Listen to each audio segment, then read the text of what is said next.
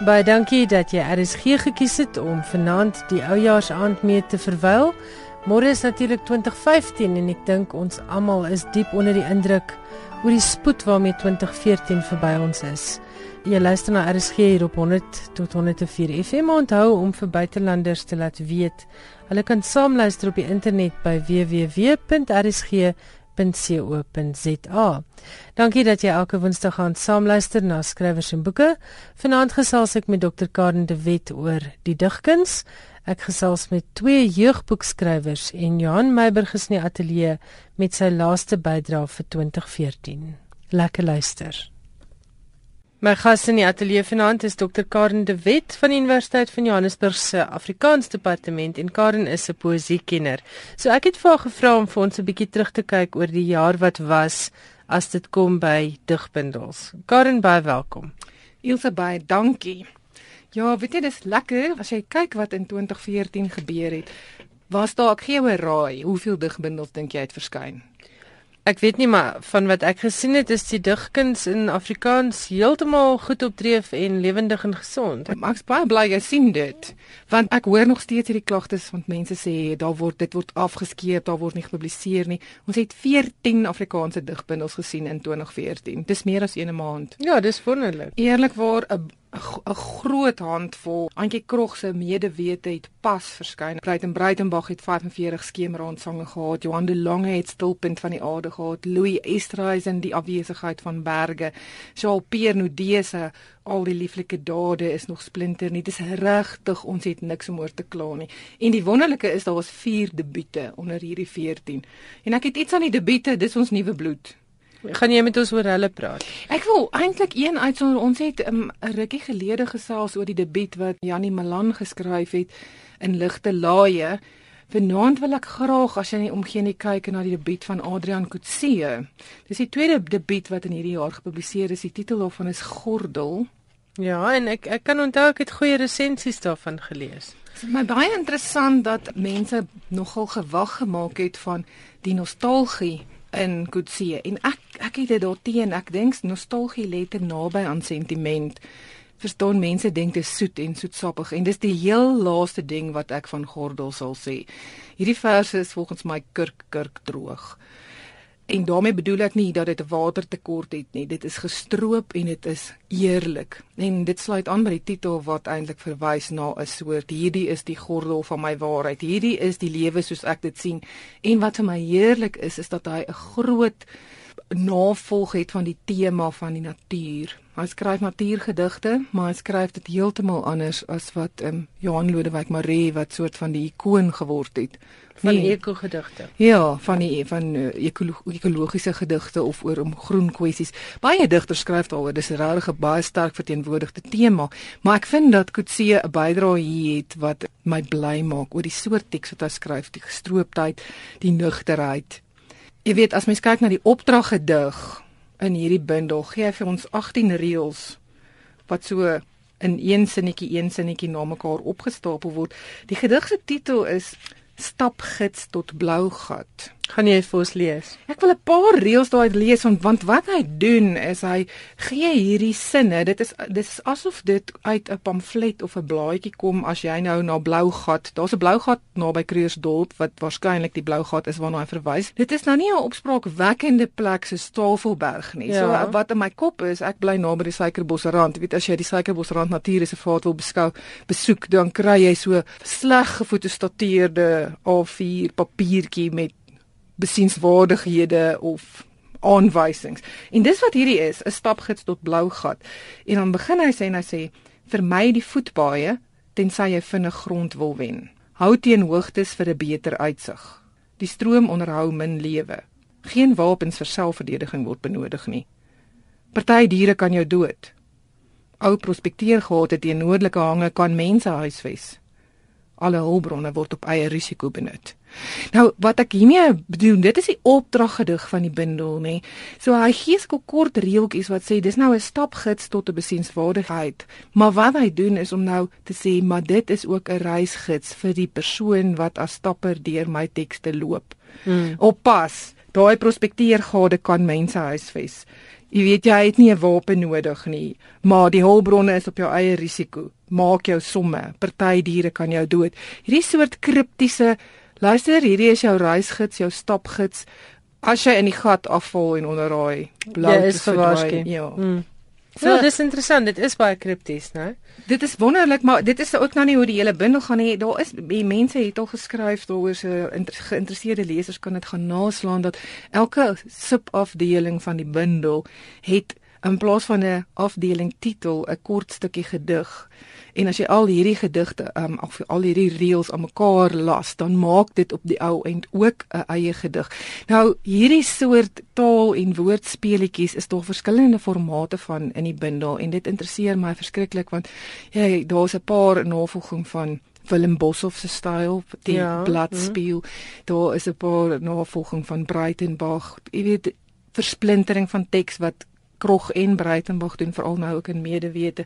Waarmee ek nie sê hy skryf soos hulle nie, maar waarmee ek sê hy is bewus van wat in die eie tyd se poesie aangaan en hy is vaardig om dit te hanteer. So dis 'n tema wat 'n geïnteresseerde leser met graagte kan ondersoek. Ek wil meer um, vas steek of in die eerste plek om te kyk na as hy dan vir ons 'n poetika gee tot sy natuurgedigte. Wat doen hy? Hy hy ent hierdie natuur en poesie op mekaar in en hy sê soort van al twee die natuur en die poesie is natuurlik en dit kan paradyslik wees maar dit kan ook verstedelik wees jy weet en dit is iets wat jy moet ontdek so daar's gedigte wat hy skryf byvoorbeeld oor Maguba se kloof of oor Hartbeespoortdam wat nou vir my mooi is in Hartbeespoortdam is dat dit nie 'n mooi gedig is nie maar 'n ja. gedig oor Wat gebeur as jy vandag Hartbeespoortdam toe ry en jy kom daar by Damdoerein se kruising? Sien jy die dam en die bome en die berge? Nee, sien ontwikkeling. Ja, jy sien baie ontwikkeling, maar jy sien ook hierdie Afrika mark sal ek nou maar sê. Ja, jy sien siening, jy sê kruising aan die ander kant daar te beespoort, né? Ja, en dit is waar hy dit het. Ek sal twee sinnetjies sê um, in die middel van die gedig staan dit. Daar is geen sin meer daar buite wat die digter met 'n veer in sy hol nog vertaal kan fluit nie. Nog 'n ietsie hier of daar noteer. Ons besing eerder die flashing Madonnas langs al die roetes na die vrygebore Mek Afrika stroom af huil die riviere dooie krokodille. Jy weet so dis 'n dis nie iets waar enige iemand verwyd nie, maar hy teken wel op wat gebeur. Dit is 'n tipe van 'n protes, né? Baie beslis. Karen, kom ons praat oor die nostalgie waarna jy verwys het. Jy sê jy stem nie noodwendig saam nie.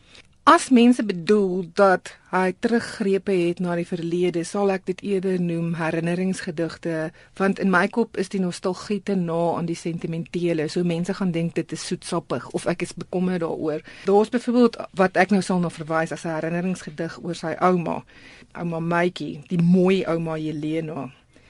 Waar hy skryf tyd se gang het van jou 'n winkelhak gemaak. Ons sien dis weer daai soort subtiele kommentaar ja jy's 'n skeur in die verlede, 'n winkelhak, daar's 'n gaping, jy's niks nie. Deur die geslagte heen het ons jou oë verloor. Jou agterkleinseun se oë kan amper praat as sy wenkbroue die woorde so teen sy voorkop plooi, maar jou oë, Helena, het soos 'n hoëveldstorm die hart se aardskuddende bliksems gegee. Sien so, ek dink nie dit is soetsappig nie. Hy is besig om soos 'n gewone mens te onthou dat hy sy ouma se oë verloor het van deur die geslagte het dit verwater geraak. Mm, en dit gaan mm. nie net oor sy ouma nie maar jy kry daai tema by die natuur ook. Die ongerepte natuur wat afgewater geraak het of jy kry die tema by die verskillende plekke waar hulle gewoon het. Aan die einde van die gedig by sy ouma sê hy deesdae is my geheue soldeerdraad blywend egter is my oliekolonie vir Kersfees wat op TV met O Fortuna see langs kom. Sien nou kom dink ek hierdie gedigte is nie sentimenteel nie. Dit roep daai Old Spice advertensie op.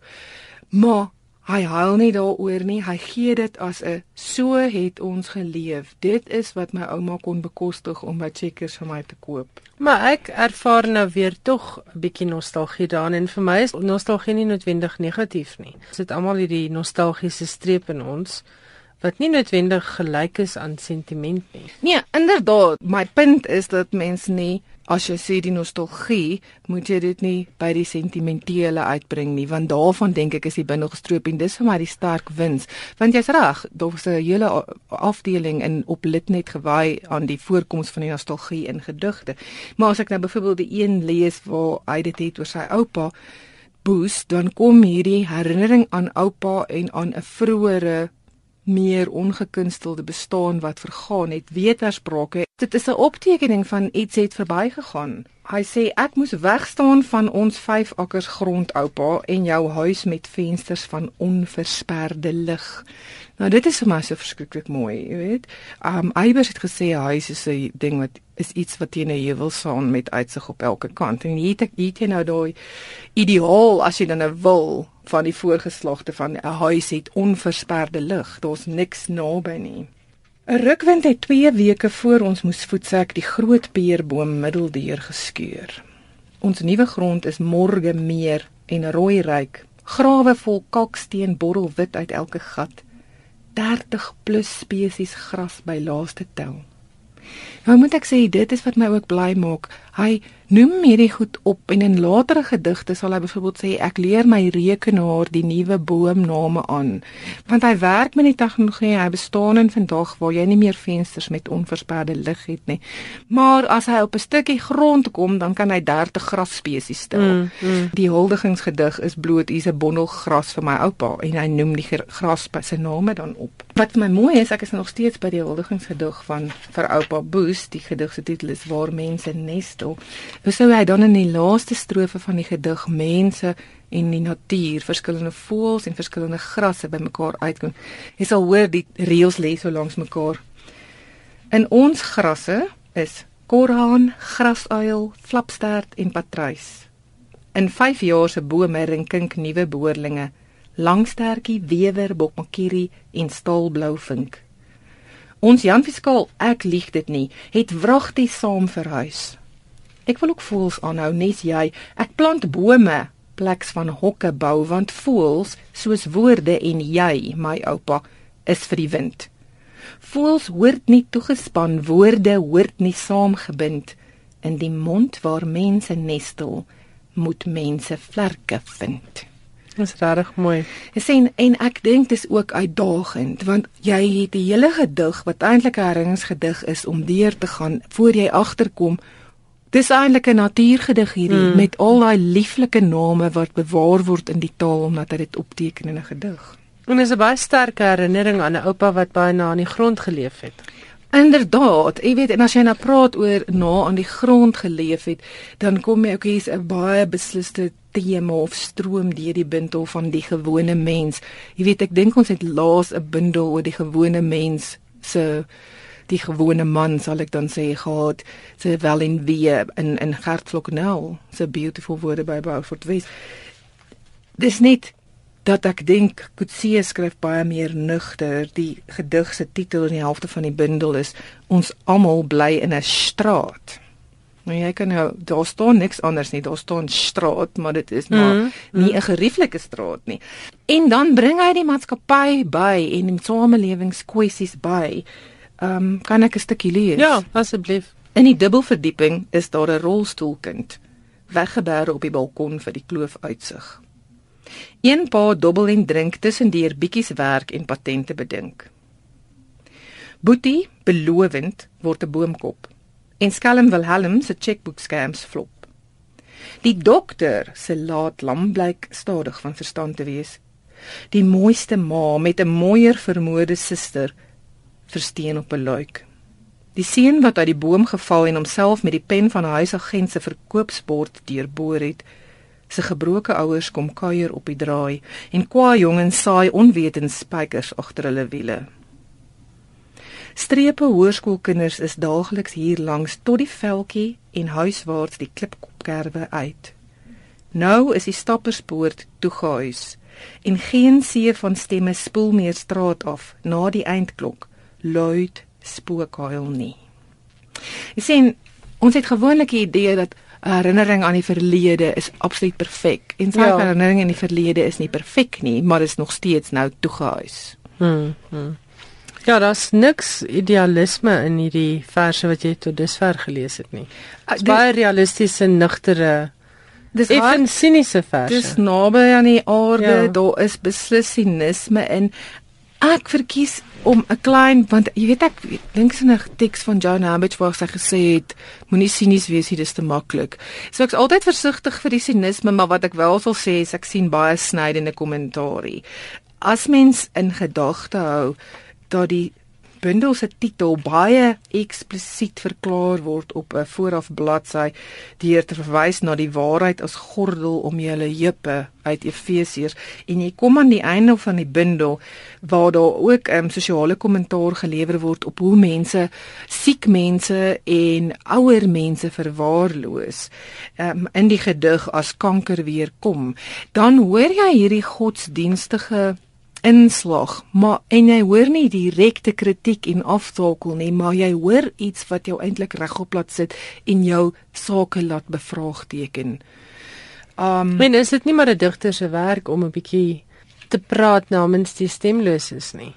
Wel ek dink so ek dink um wat Adrian Kutse baie goed reg kry is om stem te gee aan mense wat ons baie maklik stereotipeer as mense wat nie gedigte lees nie verstaan? Ja. My gewone oupa met sy voelhok, vir wie ek sal sê luister, ek wil ook voels aanhou, maar ek plant bome want my voels moet vry wees soos die wind en soos mm. woorde. Ek dink dis wat hy reg kry. Hy laat jou nie huil of regop skrik of skok nie. Hy benoem wat gebeur en jy dink noodwendig na.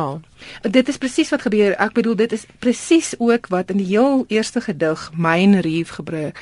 Nou ons ken almal hy uh, Myn Reef Road hoof Hoofre weg. Inderdaad, die lang pad wat die myne dwars deur tot in Johannesburg se sentrum. Ek wil nou nie noodwendig die hele gedig lees nie, maar in terme van waaroor ons gepraat het, daar was as jy aan die einde van die gedig kom, dan besef jy daar was 'n ongeluk, maar hoe die gedig begin is om te dink, jy weet, wat het hierdie ou gedoen? Toe hy by die verkeer aansluit in iemand se veilige volgafstand het hy dalk aan die kranksinnige gedink by 'n hospitaal langs Main Reef. Jy weet, hy doen so die gewone goed wat jy in Main Reef Road kan sien. En dan slaai die slot van die gedig sê volgens 'n ligbeseerde hoer met 'n pruik agter in sy paneel waar het die doringboom 'n irrelevante drommel se muur gestuit. Hy sê nee, het jy dit weer? Hy ja, as jy sê hy praat oor die gewone mens. Hier's 'n persoon met 'n afleweringswa in Main Reef Road en agteruit na die ongeluk kom 'n hoer verstaan. ja, ek is bly hy lag want dit is 'n bietjie snaaks, maar nou probeer hy dink, "Wel wat, hierdie ou het 'n gelukkie agter in sy paneel waar gehad. Hoekom het hy 'n ongeluk gemaak? Waarna het hy gedink?" Maar hy sê hy sal nooit sit en dink, "Ehm wel, wat het hy gedoen nie?" Wel, die gedig sê dit ook nie. Maar die verskriklike ironie en hoor nou hierdie droë nigterheid. Wat sê daai vrou wat daar agteruit klim? 'n Irrelevante drommel se muur gestuit deur 'n doringboom. Ja. Gewone mense, die natuur, gewone dinge. Hmm. En 'n lieflike gedig. Ek het hom nou nie mooi gelees nie, maar jy weet as ons nou praat oor die temas. In die een gedig wat jy nou gelees het, moes hy trek. Hulle moes oupa se grond verlaat vir nuwe grond.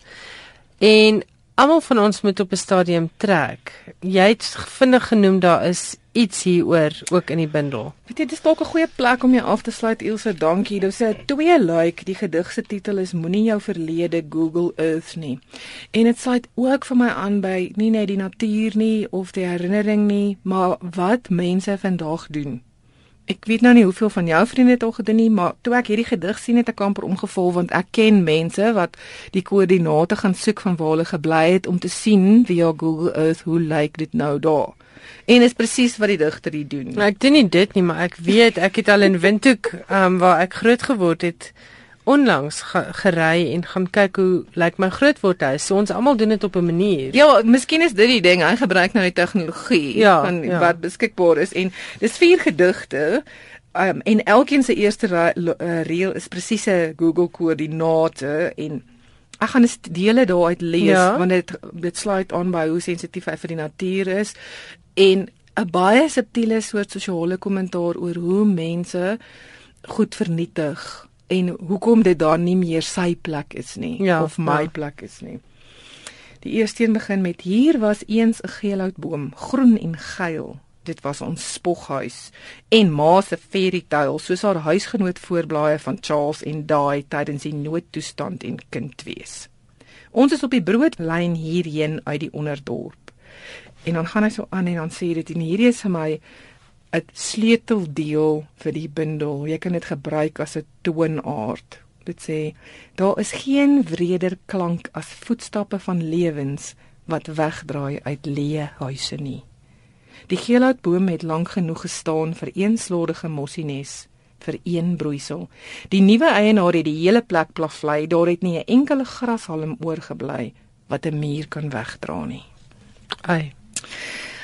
En jy sien, dit is tog nie 'n gedig wat jou laat huil nie. Nee, maar jy dink noodwendig die... daaroor nadat mense kom en iets is vir hulle iets wat vir jou wonderlik was, is nie vir hulle eers mooi nie. So nee. hulle raak nie ontslae daarvan. Inderdaad. So wat ek hier sien is amper 'n ek bekyk die samelewing. Ek weet hoe dit was en nou sien ek dit is hoe dit is. In die derde gedig begin die reël en sê hier het twee reuse likwarte sedert 1938 floreer en dan het jy weer hierdie ding dat die mense en die voëls so na mekaar op mekaar ingespeel word.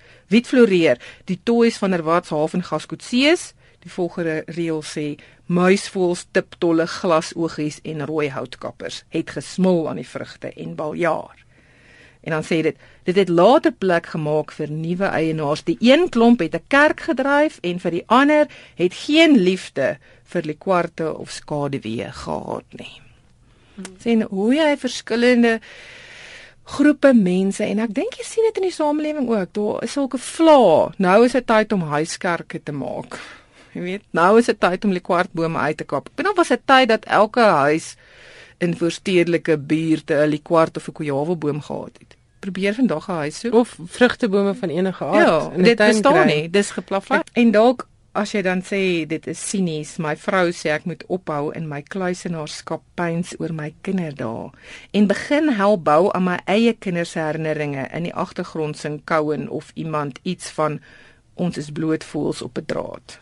So Karnik lê af gordel is dan een van jou juwele van digbundels in 2014.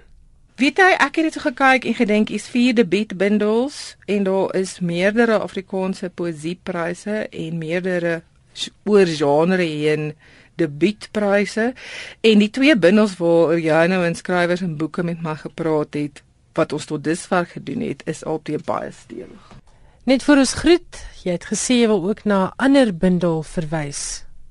In absolute kontras met hierdie droë gestroopte tog denkende uitdagende vers. Die heel eerste bundel wat in 2014 verskyn het, was Rosa Smit se Die rooi veer in Waskou se hoed. Dis al 'n lang tyd terug te dog ek laat ons net 'n bietjie dit besoek. Rosa het in 86 by Tafelberg gedebuteer en in 2008 het die begeleiding van Duwe by Protea verskyn. Jy weet, en sy is 'n digter wat bekend staan vir haar soel liefdesgedigte en haar uitbundige beeldende taal nou heeltemal iets anders. En ek sien daardie trekke, daardie kenmerke in die laaste afdeling van hierdie bundel wat in 2014 by Rosalind Pers verskyn het. Ek sien dit in haar reisgedigte en in eh, die liefdesgedigte. Daar's byvoorbeeld Londen 1968 en Marion Faithful, daar's die tweelingtoring ramp in New York, daar's 'n liefdesgedig in Moskou. Dit sê maar ek sal snags jou torso kaal en blou-grys onthou as my potlood na die skaduwee onder jou wimpers skuif. Dis mooi reistekste, liefdestekste, baie soel en beeldend. Miskien kan ek die historiese teruggryp aan die einde van Noordsee lees om jou af te sluit. Ja, asseblief.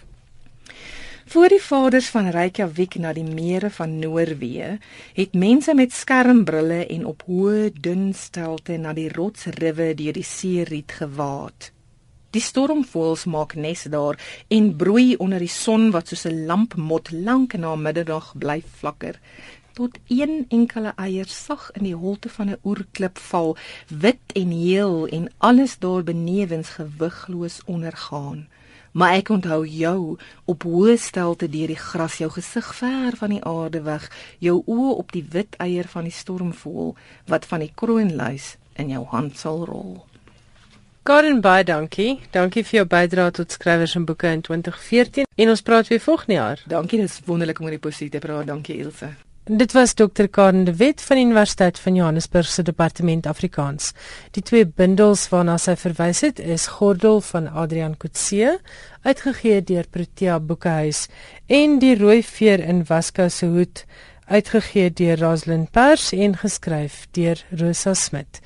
As jy van jou wil laat hoor, ons e-posadres is skrywersenboeke@rsg.co.za en die SMS nommer is oudergewoonte 33 43. Elke SMS kos R1.50 en gratis SMS'e geld ongelukkig nie. Van SMS'e gepraat, laat weet gerus vir my watter Afrikaanse boek wat in 2014 verskyn het, was jou gunsteling. Die ateljee se SMS nommer is 3343 en soos ek gesê het, elke SMS kos R1.50. Volgende week sal ek dan terugvoer gee oor julle gunsteling boeke vir 2014. Nou is dit tyd vir Jan Meiberg. Jan, baie welkom in die ateljee. Die Universiteit van Texas in Austin in die FSA weier om te sê hoeveel hy betaal het vir die argief van Gabriel Garcia Marquez, die Kolumbiaanse skrywer wat in April dood is. Die universiteit het verlede maand aangekondig dat hy die skrywer se argief wat bestaan uit dokumente, manuskripte, briewe en paraphernalia aangekoop het. Die argief strek oor 50 jaar en sluit korrespondensie in tussen Gabriel Garcia Marquez en Graham Greene, Gunter Grass en Carlos Fuentes, asook die manuskripte van 10 van sy boeke waaronder die van 100 Years of Solitude, sy bekendste roman.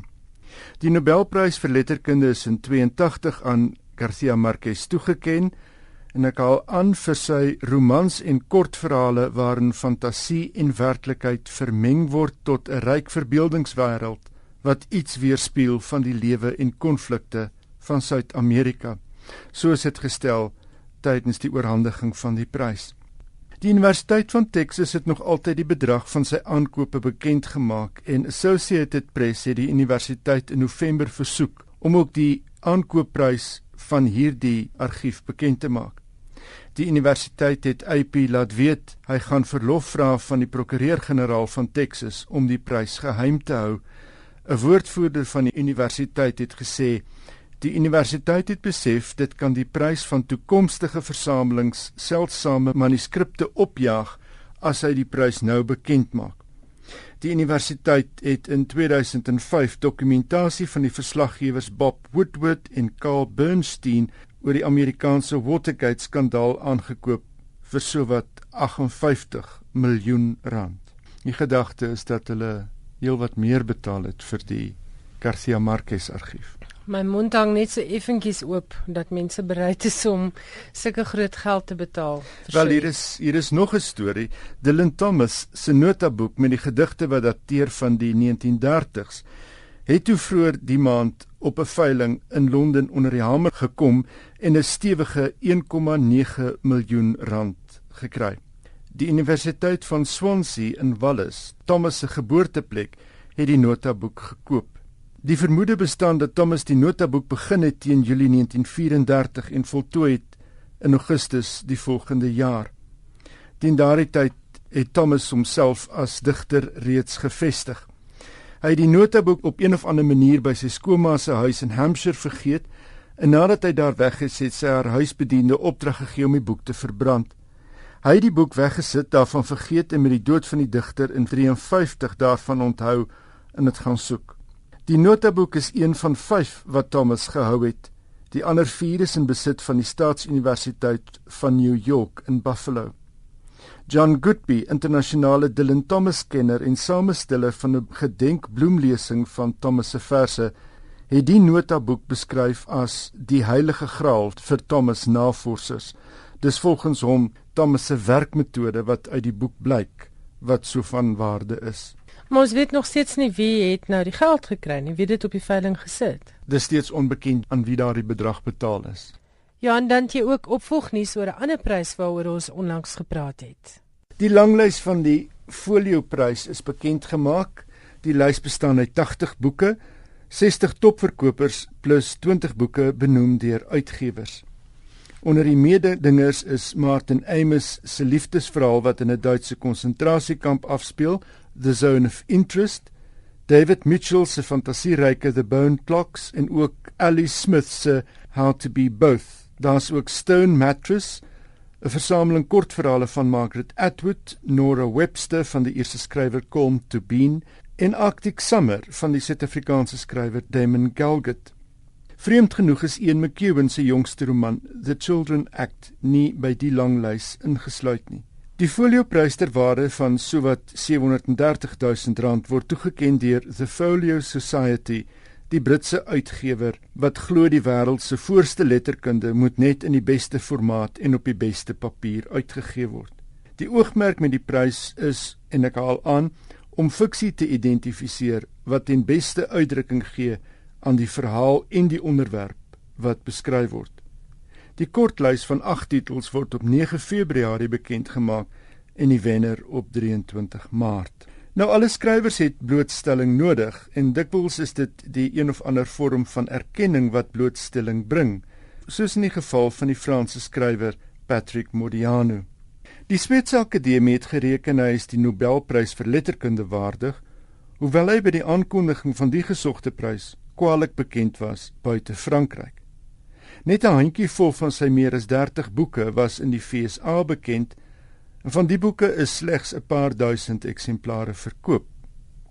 Sedert hy die Nobelprys ontvang het, het die aanvraag vir sy boeke in die FSA aansienlik toegeneem. En nou het 'n groot Amerikaanse uitgewer Modiano se jongste roman bekom en die vertaling daarvan verskyn later volgende jaar as So You Don't Get Lost in the Neighborhood. Die roman speel af in Parys en handel oor 'n man wat 'n onverwagse telefoonoproep ontvang juis oor iets waarvan hy probeer vergeet. Die boek was 'n topverkoper in Frankryk. En dan laastens, die Britse skrywer Hilary Mantel het gereageer op die kritiek wat die BBC hom op die hals gehaal het om haar kortverhaal The Assassination of Margaret Thatcher op die BBC se Radio 4 uit te saai. Die verhaal, die van 'n versindi moord op die voormalige Britse premier, word op 9 Januarie in die program Book at Bedtime voorgeles. Lord Tebbit, in die 80s 'n lid van Thatcher se kabinet en Lord Bell, Thatcher se voormalige openbare betrekkinge guru, het die BBC beskuldig van politieke partydigheid. Tebbit het gesê die boek is die siek produk van 'n siek mens. In haar reaksie op die kritiek het Mantle gesê dis alles gal en skuim om die mond. Ten diepste gaan die nonsens nie oor my werk nie, dis deel van die oorlog teen die BBC, het sy gesê. Bovenal het sy bygevoeg: Is daar geen noodsaak vir my of enige ander skrywer om haarself te verdedig voor mense wat hoegenaamd geen belang by fiksie het behalwe as hulle om die een of ander rede meen hulle word te nagekom. Die verhaal spreek vir sigself. Mantle se verhaal het die oë laat rek toe dit in September in 'n bundel kortverhale verskyn het. Die verhaal waarin Thatcher deur 'n skerpskutter van die Ierse Republikeinse leer doodgeskiet word, speel af 4 jaar nadat Thatcher in 1979 aan bewind gekom het. Daar is my altyd interessante konsepte. Dit is baie soos Cornelis Breitenberg se boek Esther dit is 'n insident wat die loop van geskiedenis kon verander het. Mens moet net gewoon onthou dis fiksie. Ja, dis fiksie. En dit is soos wat sy dit aangebied het in hierdie omstandighede en en en mense het net is net doodgewoon lig geraak deur hierdie fiktiewe weergawe. Jan baie dankie, dankie vir 2014 se bydraes tot skrywers en boeke. Dis altyd lekker om met jou te gesels en jou insigte te hoor. Ek hoop 2015 is goed vir jou. Baie dankie. Dit was natuurlik die stem van Johan Meiburg, ons gereelde bydraer in skrywers en boeke. Onthou die SMS vraag vir vanaand, watter Afrikaanse boek wat in 2014 verskyn het, was jou gunsteling? Die SMS nommer is 3343 en elke SMS kos R1.50. Ek het self die vakansie tyd gehad om so 'n bietjie in te haal op ontspanningsleesstof. Mens kry nie altyd deur die jaar daarvoor tyd nie. En ek moet sê ek was baie baie beïndruk deur die spanningsfiksie wat ek hierdie jaar gelees het van sowel Lapa Uitgewers as NB Uitgewers. Hierdie vakansie was dit die beurt van Martin Steyn se Die Donker Spoor en Madeleine Rust se Die 13de Kaart. Ek het ook kans gekry vir die derde boek in Piet Venter se reeks misdaadfiksie. Hierdie een se naam is Waar boosheid broei. Nog twee skrywers wat my baie beïndruk het hierdie jaar as dit kom by misdaadfiksie is Rudy van Rensburg en Irma Venter. Ek wil vir die Afrikaanse uitgewers spesifiek vir NB uitgewers en Lapa uitgewers sê baie geluk Julle misdaadfiksie hou beslis kersvas by enigiets wat ek al in Engels gelees het. Ek het ook die Abel trilogie van Chris Karsten as geheel gelees hierdie vakansie. En weer eens ek was baie beïndruk. Hierdie drie boeke behoort beslis internasionaal uitgegee te word in ander tale ook. Die detail in die Abel trilogie is verstommend. Die navorsing in die agtergrond waarteen dinge gebeur is tot in die fynste detail en 'n mens kan sien Chris is 'n ou ervare joernalis. So as jy wonder wat om met die res van jou vakansie te doen, lees gerus 'n bietjie Afrikaanse misdaadfiksie. Ek kan dit regtig aanbeveel. Op 'n hele ander noot, ek het so 'n paar weke gelede by Sasnef se byeenkoms in die Waverley Biblioteek in Pretoria met 'n paar jeugboekskrywers gesels. Hier is die laaste twee onderhoude wat ek daardie dag opgeneem het. Ek gesels met Marissa Haasbroek, die skrywer van Iewers vlieg daar Fairy Dust. Marissa, baie welkom by Skrywers en Boeke. Dit was jou eerste jeugroman, maar jy skryf romantiese liefdesverhale vir vroue onder 'n skuilnaam. Wil jy meer daaroor sê? Ag, ek weet nie, dis nie regtig 'n geheim nie. Ek skryf onder die naam Rykie Roo wat dis nou lekker lekker ligte liefdesverhale, maar die jeugroman was nou nogal 'n uitdaging en 'n bietjie 'n nuwe veld wat ek probeer inbeweeg het. Ek loop al jare met die idee, maar toe ek nou gaan sit, dis nou die eerste keer wat ek hom gaan wat ek 'n jeugverhaal geskryf het. Vertel gou vir ons sonder om te veel van die geheime weg te gee, waaroor gaan Fairy Dust? Ek het basies as poestertjie se storie die sprokie gevat en dit vermoderniseer in 'n moderne tyd geplaas. So die held het nie 'n perd nie, hy het 'n Mini Cooper um, motortjie en eintlik het die storie begin met ek het altyd gewonder die bykarakters in 'n sprokie soos die muis of die rot wat verander is in die koetsier. Waarvan as hy besluit hy loop met as postertjie weg. So dis waar die idee gekom het vir die storie maar ag weet jy enige skrywer sal vir jou sê as jy dit het dan begin die harde werk. So dan begin mens nou die storie ontwikkel en kyk na die karakters en so aan. Wat vir my die boek interessant maak is dat dit afspeel in 'n baie moderne scenario, 'n baie hartseer plek eintlik, 'n witplakkerskamp. Hoe het jy jou navorsing daarvoor gedoen? Ek het nogal kontak met mense wat in so 'n plek bly. Ek het saam met maatskaplike werkers gewerk, vergaderings bygewoon en ek het maar net my ore oopgehou en mooi geluister wat die frustrasies van hierdie mense is. Ek dink mense wil baie keer vir hulle goed doen en dan noem hulle hulle deernisgevalle en eintlik takel hulle dan hulle menswaardigheid af dat mens net op die regte manier mense help, maar dis nie 'n donker storie nie, dis 'n sprokie, maar ek het probeer om dit werklikheidsgetrou te maak, 'n bietjie te laat dink oor ons sosiale omstandighede op die oomblik. Ja, en jou hoofkarakter het groot drome. Al woon sy in 'n plakkerskamp wil sy 'n dokter word. Sonder om vir ons te sê word daar van haar drome waar. Nie moenie vir ons presies sê wat nie. Jy sal maar moet lees en kyk, maar dit is 'n sprokie, so daar is fairy dust in die storie, so daar gebeur magiese wonderlike goed met haar. Daar is mense wat haar help. Daar is goeie vee in haar lewe en dis eintlik 'n groot ontdekking wat sy maak. En eintlik is daar goeie vee reg rondom ons almal. Nou, daar's altyd iemand wat vir jou deur oopmaak. Hoe het jy hierdie boek geskryf? Hoe het jy dit aangepak na volwasse romans? Ek het maar net, jy weet, daar's so 'n spreekwoord in die skryfwêreld sit op stert en skryf. so mense sit maar net en jy skryf en maar ek is nooit iemand wat die eerste keer perfek skryf nie. So na die eerste keer is dit baie herlee, weet herskryf.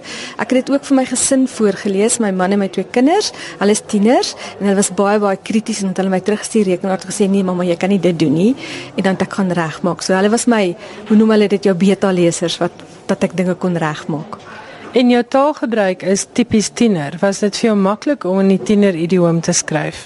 Ek het omdat ek tieners in die huis het, weet ek hoe hulle praat. Weet, so ek dink ek het probeer dit skryf, ook nie te hard nie. Ek meen as jy te hard probeer dan verloor jy ook jou dan is dit nie meer autentiek nie, maar ek het probeer om te skryf soos wat tipiese tieners van vandag praat. Werk jy weer aan 'n jeugroman? Ja, maar ek mag nie daaroor praat nie, dan praat ek al die, die borrels uit die die botteltjie koeldrank uit. So ja, ek is besig ek skryf 'n storie. Dit was Marissa Asbrook van Iewers vlieg daar Dust. Baie dankie vir jou tyd. Iewers vlieg daar Dust word uitgegee deur Lapa Uitgewers en ek sou dit aanbeveel vir tienerdogters so van 13 tot 16 en selfs miskien 'n 12-jarige met 'n gevorderde leesmaak. Dis regtig 'n lieflike boek. Die volgende boek het 'n ietwat donkerder tema, Dwelms. Ek gesels met Danielia Day oor haar debuutboek Blou trane. Nou dit word op die omslag beskryf as dokumentêre fiksie. Met ander woorde fiction, 'n bietjie feite, 'n bietjie fiksie. Vertel ons net so kortliks waar gaan Blou trane? Jong Blou trane bestaan uit dinge wat regtig gebeur uit werklikhede, maar dis beslis nie dinge wat ek self beleef het nie. Ek het baie van dit gesien. Ek het immers in 'n studentehuis gebly saam met 'n klomp mense wat geëksperimenteer het met dwelms en daar het ek ongelooflike baie insig gekry oor dwelms en kon ek my um notas wat ek daar gemaak het gebruik het om hierdie boek te skryf. Wat was die doel van die boek? Jy wou nie preek nie, maar jy wou tog 'n boodskap oordra. Op 'n stadium in my lewe het ek besef dwelms kan regtig waar jou so aangryp dat jy alles daarvoor sal verruil, maar dit kan terselfdertyd vernietigend wees en ek wil graag verduidelik het dat al is dit so wonderlik hierdie wêreld wat jy nooit genoeg van sal kry nie, dat jy versigtig moet wees daarvoor en twee keer moet dink voordat jy daai pad stap en ek dink hierdie boek gaan jou definitief laat dink voordat jy besluit om daai pad te stap. Jy takel baie gewigtige onderwerpe, prostitusie, dwelms.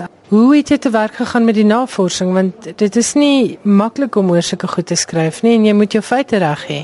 Jong, ek het ongelooflik baie navorsing gedoen. Ek het ander boeke, mense se boeke gelees oor dwelms. Ek het by Witrand gaan sit en met dwelmverslaafdes gesels. Ek het self met prostituie in die wandelaan in Potchefstroom gaan gesels. Ek was nogal bang. Maar ja, ek het ek het regtig waar baie wyd gegaan om die navorsing te doen vir hierdie boek sodat dit autentiek is, sodat dit nie net um, nog 'n storie is nie. Dit is weird, dit is anders. Dit is regtig vir um, iets wat ek dink nie jy al gelees het nie. Dit is Daniela Day oor haar boek Blou trane. Soos ons gesê, dit is 'n boek oor dwelms, prostitusie en 'n paar ander dinge wat dalk vir ouers moeilik is om te bespreek met hulle kinders. So kry gerus hierdie boek, dit word uitgegee deur Lapa Uitgewers. As jy vir ons 'n SMS wil stuur, die SMS nommer is 3343. Elke SMS kos R1.50 en onthou vanaand se vraag aan luisteraars: Watter Afrikaanse boek wat in 2014 verskyn het, is jou gunsteling? Ek is Elsje Salzveld, jy het geluister na skrywers en boeke. Die program word Sondagnag om 1uur herhaal in deernag. Jy kan ook daarna luister op Potgooi. En onthou Potgooi is 'n baie lekker hulpmiddel vir leeskringe. Ek wil net weer noem, ek aanvaar ongelukkig geen manuskripte nie. Ek kan jou nie help om jou boek gepubliseer te kry nie. Kontak gerus die uitgewers direk. Hulle besonderhede is alles op die internet. Nou ja, dit is dan alles wat ek te sê het in 2014. Baie dankie aan my bydraers hierdie jaar. Suzette Kotse Meiberg vir haar maandelikse bydrae, Johan Meiberg vir sy gereelde bydrae en ook aan Corina van der Spool. En dan natuurlik aan al die mense agter die skerms hier by RSG veral aan Tarin Oosthuizen en Herman Stein. En aan jou die luisteraar daar by die huis, baie dankie dat jy woensdaande na skrywers en boeke luister. Dis heerlik om te weet daar's so baie mense wat nog in die Afrikaanse letterkunde belangstel. Ek wens jou alles wat mooi is vir die laaste paar uur van 2014 en mag 2015 die beste jaar ooit wees. Lekker slaap.